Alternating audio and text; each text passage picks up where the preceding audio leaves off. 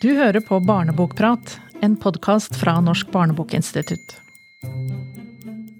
Norge er et av verdens rikeste land. Likevel lever stadig flere familier under fattigdomsgrensen. Norsk barnebokinstitutt var så heldig å få arrangere et folkemøte i Drammen sammen med Redd Barna, der målet var å gi et ansikt til nettopp familiefattigdom, gjennom fakta og fortellinger. Og det ga oss noen eh, tanker om fortellingens plass i dette. Hvor godt kjenner vi til barnas historier om det å være fattig, egentlig? Jeg er Aisha Koka, leder i Bærekraftsbiblioteket i Norsk barnebokinstitutt. Med meg har jeg Ane Aamodt. Hun er eh, kampanjeleder i Redd Barna og jobber med å innfri rettighetene til alle barn. Og i hele 2023 så jobbet hun med å sette familiefattigdom på dagsorden. Velkommen, Ane. Tusen takk.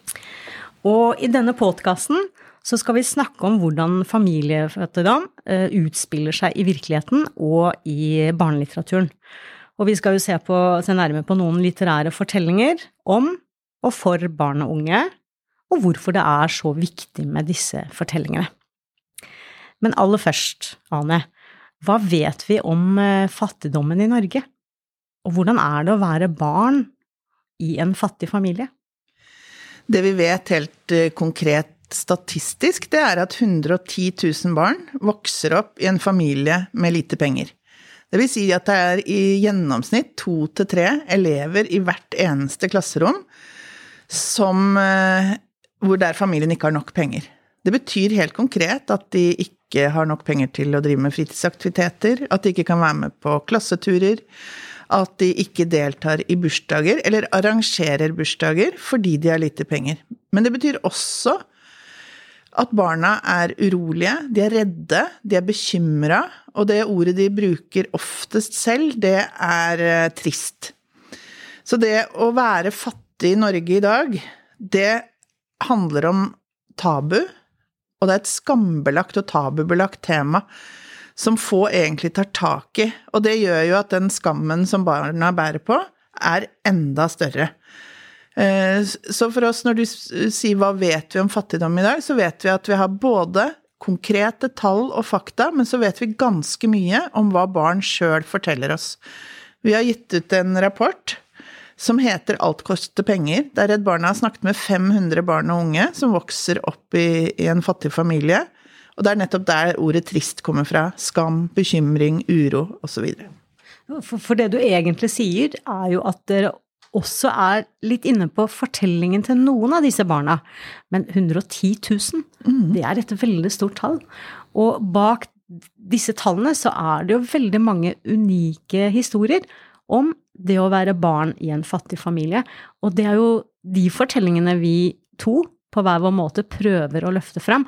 Men, men utover at dere har brosjyrer og, og har, har, fakta rundt disse tallene, gjør dere noe annet for å få løftet fram noen av disse fortellingene? Ja, for når vi jobber med kampanje i Redd Barna, så er målet å klare å fortelle historiene så godt som mulig. Eh, og da jeg leste den rapporten Alt koster penger, som er basert på de samtalene med barn og unge, så satte jeg igjen med det jeg kanskje syns var aller Som traff meg aller størst i hjertet. Og det er barn som forteller at de ikke har tro på framtida. Og når vi da skal lage kampanjer, så er det viktig å fortelle de historiene. For jeg tror at folk ikke forholder seg aleine til tall og fakta, men må lytte til enkelthistorier. Så det, vi har laget da en kampanjefilm om en jente som heter Maja, som nettopp handler om å miste troa på framtida. Ikke sant. Og, og det høres jo ikke greit ut, verken for det barnet eller andre barn, og heller ikke for oss som samfunn. Og vi har jo arrangert folkemøte sammen også, i Drammen. Eh, kan du si litt om folkemøtene dere, dere har hatt i Redd Barna? Ja. Eh, gjennom våren og høsten 2023 så arrangerte Redd Barna 15 folkemøter om familiefattigdom, der målet var å øke kunnskapen om hvordan det ser ut i akkurat den kommunen, få en forståelse for hvordan barna har det, hvilke konsekvenser det har å vokse opp i fattigdom, og helt til slutt en helt tydelig eh, politikerdebatt for å vise hva som helt konkret må gjøres i den aktuelle kommunen. Og da var vi jo heldige å være sammen med dere i Drammen. Ikke sant. Og det var kjempefint og veldig, veldig viktig. Mm. Vi, vi, erfarte jo hvor viktig det var med disse møteplassene, vi som jobber med litteratur. Både at vi kan få komme tettere på hverandres historier, men også det du sier, at vi er nødt til å få kunnskap og informasjon om hva som faktisk skjer der ute. En annen ting vi erfarte, var jo hvilken plass litteraturen hadde. For vi, jeg bokbadet jo forfatter Karianne Bråten, som har skrevet boka Amal Pellegrino, fotballproff mot alle odds. Eh, og den handler jo om seriemester Amal Pellegrino, om hvordan veien til suksess inneholdt så mange hindre, nettopp fordi han ble født inn i familiefattigdom. Altså der, der er det en en eh, ung gutt som i ung alder var rett før han parkerte fotballskoene for godt på hylla fordi moren ikke hadde råd til å betale fotballkontingenten, eller at han måtte, at han måtte passe søsknene sine fordi moren måtte ta på seg flere deltidsjobber for at de skulle forsørge seg. Og, og, og dette er kanskje bare ett bilde på noe et bilde og et ansikt og en stemme til noe det du beskriver angår veldig mange barn. Eh, ja, og det, dette er en kjent historie med barn som uh, slutter fordi kontingenten er for dyr, fordi utstyret er for dyrt, eller fordi reisen og utfluktene i forbindelse med aktiviteten er for dyre. Og det vi ser, er jo at uh, barn slutter når kontingenten kommer. vi møtte en som fortalte historien om at uh, hun, uh, ville, hun, ville, slutte på fotball. Hun var en av de beste på laget. Og når treneren spør hvorfor, så sier hun at hun syns det er kjedelig. Det gir henne ikke noe lenger. Sannheten er at de 500 kronene i kontingent, de var for høye for henne til å delta. Så det betyr at helt konkret så faller hun jo ut av det fotballaget. Men hun faller ut av utrolig mye mer òg enn å spille fotball på tirsdager og torsdager. Hun faller ut av det eh, snakken man har dagen etter, bussturen på vei til, eh, fellesskapet, samholdet. Så det å dette ut av en fritidsaktivitet har enorme konsekvenser for barn, fordi det er der, eh, i tillegg til skolen, alt det store fellesskapet er, da. Det du beskriver der, eh, Ane, er jo noe vi også kan eh, finne igjen i litteraturen. Altså vi har heldigvis eh, noe litteratur som, som reflekterer det som disse barna opplever. Men, men, jeg legger merke til en ting, og det er at du stadig sier familiefattigdom. Definerer det som familiefattigdom, og ikke barn som er fattig. Hva er grunnen til det? Det er et uh, helt konkret råd og en beskjed vi har fått fra barn sjøl. De er tydelige på at det er ikke de som er fattige, men at det er foreldrene deres. Sånn at uh, begrepet barnefattigdom det bruker ikke Redd Barna lenger, og vi anbefaler også andre å la være å bruke begrepet barnefattigdom, fordi vi må lytte til de barna som har gitt oss de kloke beskjedene. Eh, så det er familiefattigdom, eller barn som vokser opp i, familier, i fattige familier, eller barn som vokser opp i vedvarende lavinntekt. Det er de uttrykkene vi ja. bruker. Det er jo klokt fra barnas side, for det, det høres jo klokt. på meg ut som at det ikke er så fryktelig lett å gå rundt og snakke om at man lever i familiefattigdom. At dette kanskje er et ganske sårbart tema også.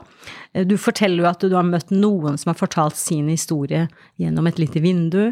Eh, men så møter vi alle de andre som kanskje, én, ikke helt Eh, er, er, klar over hva det befinner seg i, eh, eller er klar over konsekvensene dette gir, eller som syns dette er såpass flaut og forferdelig å snakke om at de ikke klarer å sette ord på det selv. Og da er jo litteraturen en ekstra viktig møteplass. Altså at vi har litteratur med eh, fortellinger som disse barna kan kjenne seg igjen i. For idet de møter andre karakterer, andre som er en stemme for dem, så tenker vi at det kanskje gir en følelse av å være mindre alene. Eh, vi skal se litt på noen eh, bøker fra Bærekraftsbiblioteket som nettopp beskriver litt av det du tegner fram som virkeligheten der ute.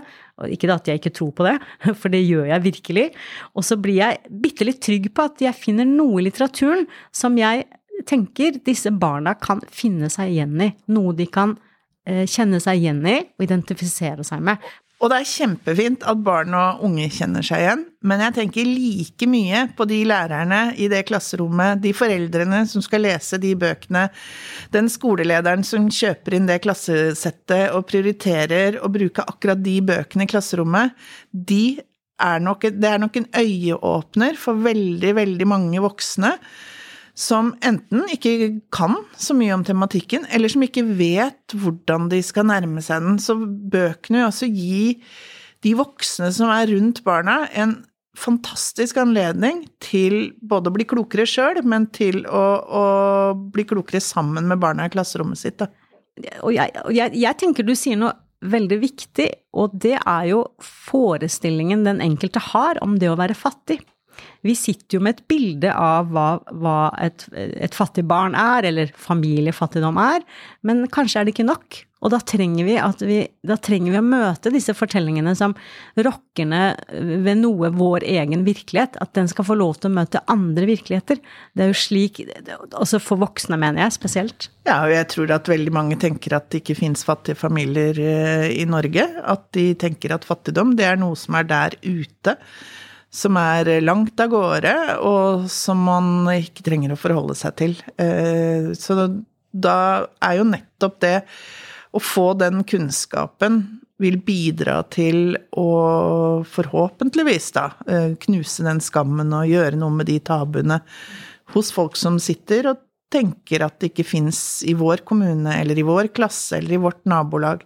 For det er jo de som tar til orde for å øke den klassekassa, eller reise til Barcelona på, på utflukt, ikke sant. Sånn at, som igjen gjør at noen faller utafor, mm. ikke sant. Ikke sant. Og nå har jeg vært så heldig å få ta del i og få litt innsikt i det arbeidet dere gjør. Og jo mer jeg eh, får vite om, om eh, de tallene eller de historiene dere forteller, jo mer tenker jeg på dette med at fattigdom er jo så mye mer enn å ha for lite penger. Det er jo ikke bare den ene bursdagsgaven man ikke får kjøpt, som du sier, eller disse fotballskoene man ønsker seg, for det gir så store ringvirkninger. Og, Altså utenforskap, dårlig helse. Eh, hvor mange barn klarer å gjennomføre skolegangen på forsvarlig vis? Det er så mange ringvirkninger. Og i de bøkene jeg tenker jeg skal eh, nevne her i dag, for vi har også lovt eh, lytterne at vi skal snakke om noen litteratur som heldigvis tar opp noe av denne tematikken, og, eh, og, og de viser jo tydelig at det er også foreldre til disse barna som sliter selv. Eh, og, og, det viser også hvordan det å finne plass i samfunnet gjør det ekstra vanskelig når man lever under dårligere kår enn eksempel gjennomsnittet. Jeg hadde lyst til å trekke frem eh, Vinden og kattene av Rønnaug Kleiva. Eh, der kan vi lese om Johanna. Hun er 15 år og prøver å finne seg selv i puberteten. Eh, hun er en ung jente som bor sammen med en mor som sliter psykisk og drikker og hun drikker litt for mye. Og noen ganger så drikker hun så mye at hun ikke klarer å ta vare på seg selv, og da må Johanna inn og passe på lillesøsteren. Og på et eller annet nivå der så er det hele tiden en veldig sår tråd som handler om Johannas kamp, om det å få lov til å være seg selv, og få lov til å vokse opp som en eh, helt vanlig ungdom, samtidig som hun da skal prøve å skjule det som foregår hjemme hos henne. Og det syns jeg er ganske sterkt, for det forteller jo noe om forutsetningene og mulighetene og alle følelsene som Johanna må gå og bære på alene, samtidig som samfunnet, resten av samfunnet forventer at hun skal være en helt ordinær, vanlig 15-åring.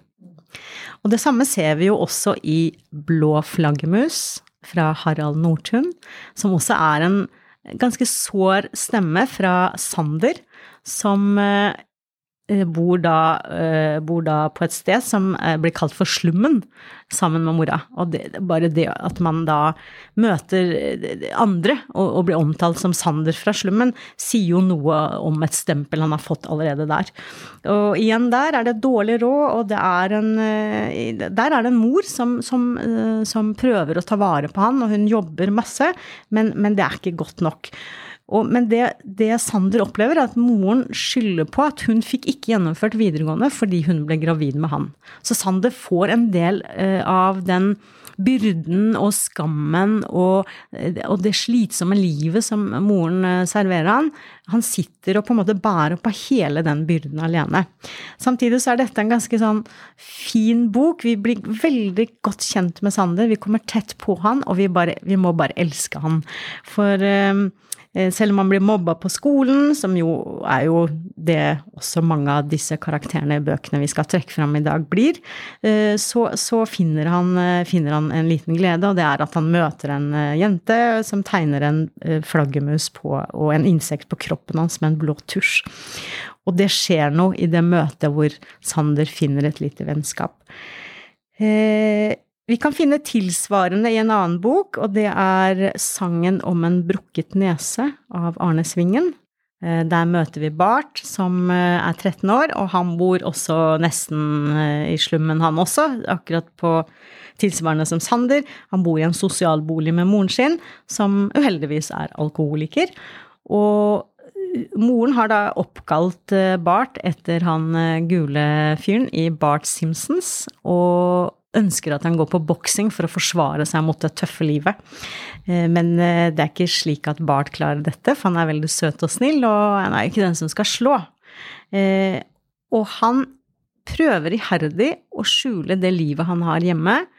Men hva gjør han når den ene fine, pene, søte jenta i klassen, som han er litt betatt av, en dag banker på døra hans? Det der er tre utrolig viktige bøker som jeg håper mange leser. Og det jeg ser som en rød tråd i det, da, det er jo nettopp det å skulle skjule hvem man er, og hvor man bor. Eh, vi vet at veldig mange bor i dårlige boforhold. Eh, skjule hva man bærer på. Eh, og noe vi vet også, er jo den bekymringen. Hvordan tror du det er å gå på skolen etter å ha ligget våken og bekymra seg gjennom natta for hvordan det skal gå med de regningene. Eller mange forteller om foreldre som krangler. ikke sant? Så, sånn at man bruker jo ekstremt mye stress og uro på å skulle skjule hvem man er, sånn som de, alle de hovedpersonene. Det er jo som å ha et åpent sår på kroppen som man skal prøve å dekke over. Og det tenker jeg det stresset som barn står i der, det må vi bare være klar over, at fattigdom er mer enn de kronene på kontoen. Det er 100 eh, tid inn på uro, bekymring. Eh, og det er jo ikke rart. Tenk selv, da, hvis man eh, har lite penger på kontoen, så vil man bruke mye tid og krefter på å, å regne og tenke ut hvordan skal jeg få betalt dette her, hvordan skal det gå med Ikke sant? Den uroen og bekymringen påtar barn seg på vegne av foreldrene sine. Og det, det, det, ser vi jo i litteraturen også. Eh, det fine med litteraturen likevel, det er jo trist, men også veldig fint. Fordi det vi brakte fram av fortellinger nå, som eksempler, det viser jo også hvor mye tettere vi kan komme på livene til disse karakterene. Og det gjør vi kanskje mer gjennom litteraturen enn det vi ville gjort i det virkelige liv. Altså, hvor tett får vi egentlig kommet på historiene til barna bak disse tallene. Vi får se noen bilder, noen vinduer inn, men kanskje ikke helt den samme eh, tilknytningen eller den samme innsikten og den samme eh, jeg, jeg, blir så glad i disse barna jeg leser om, eh, og jeg får ta del i livene deres på en helt annen måte. Og der tenker jeg at litteraturen har en egen unik kraft, og det er jeg veldig glad for. Ja, for du ser det jo ikke bare som fattige barn. Eller du ser jo at de blir forelska, at de eh, gleder seg til ting, at de gruer seg til ting. Du kjenner deg jo igjen i de barna på veldig mange av de andre områdene. På, selv om du ikke selv har vokst opp i en familie med lite penger, så er det jo noe allmennmenneskelig å være 15 år og være opptatt av hva andre syns om en.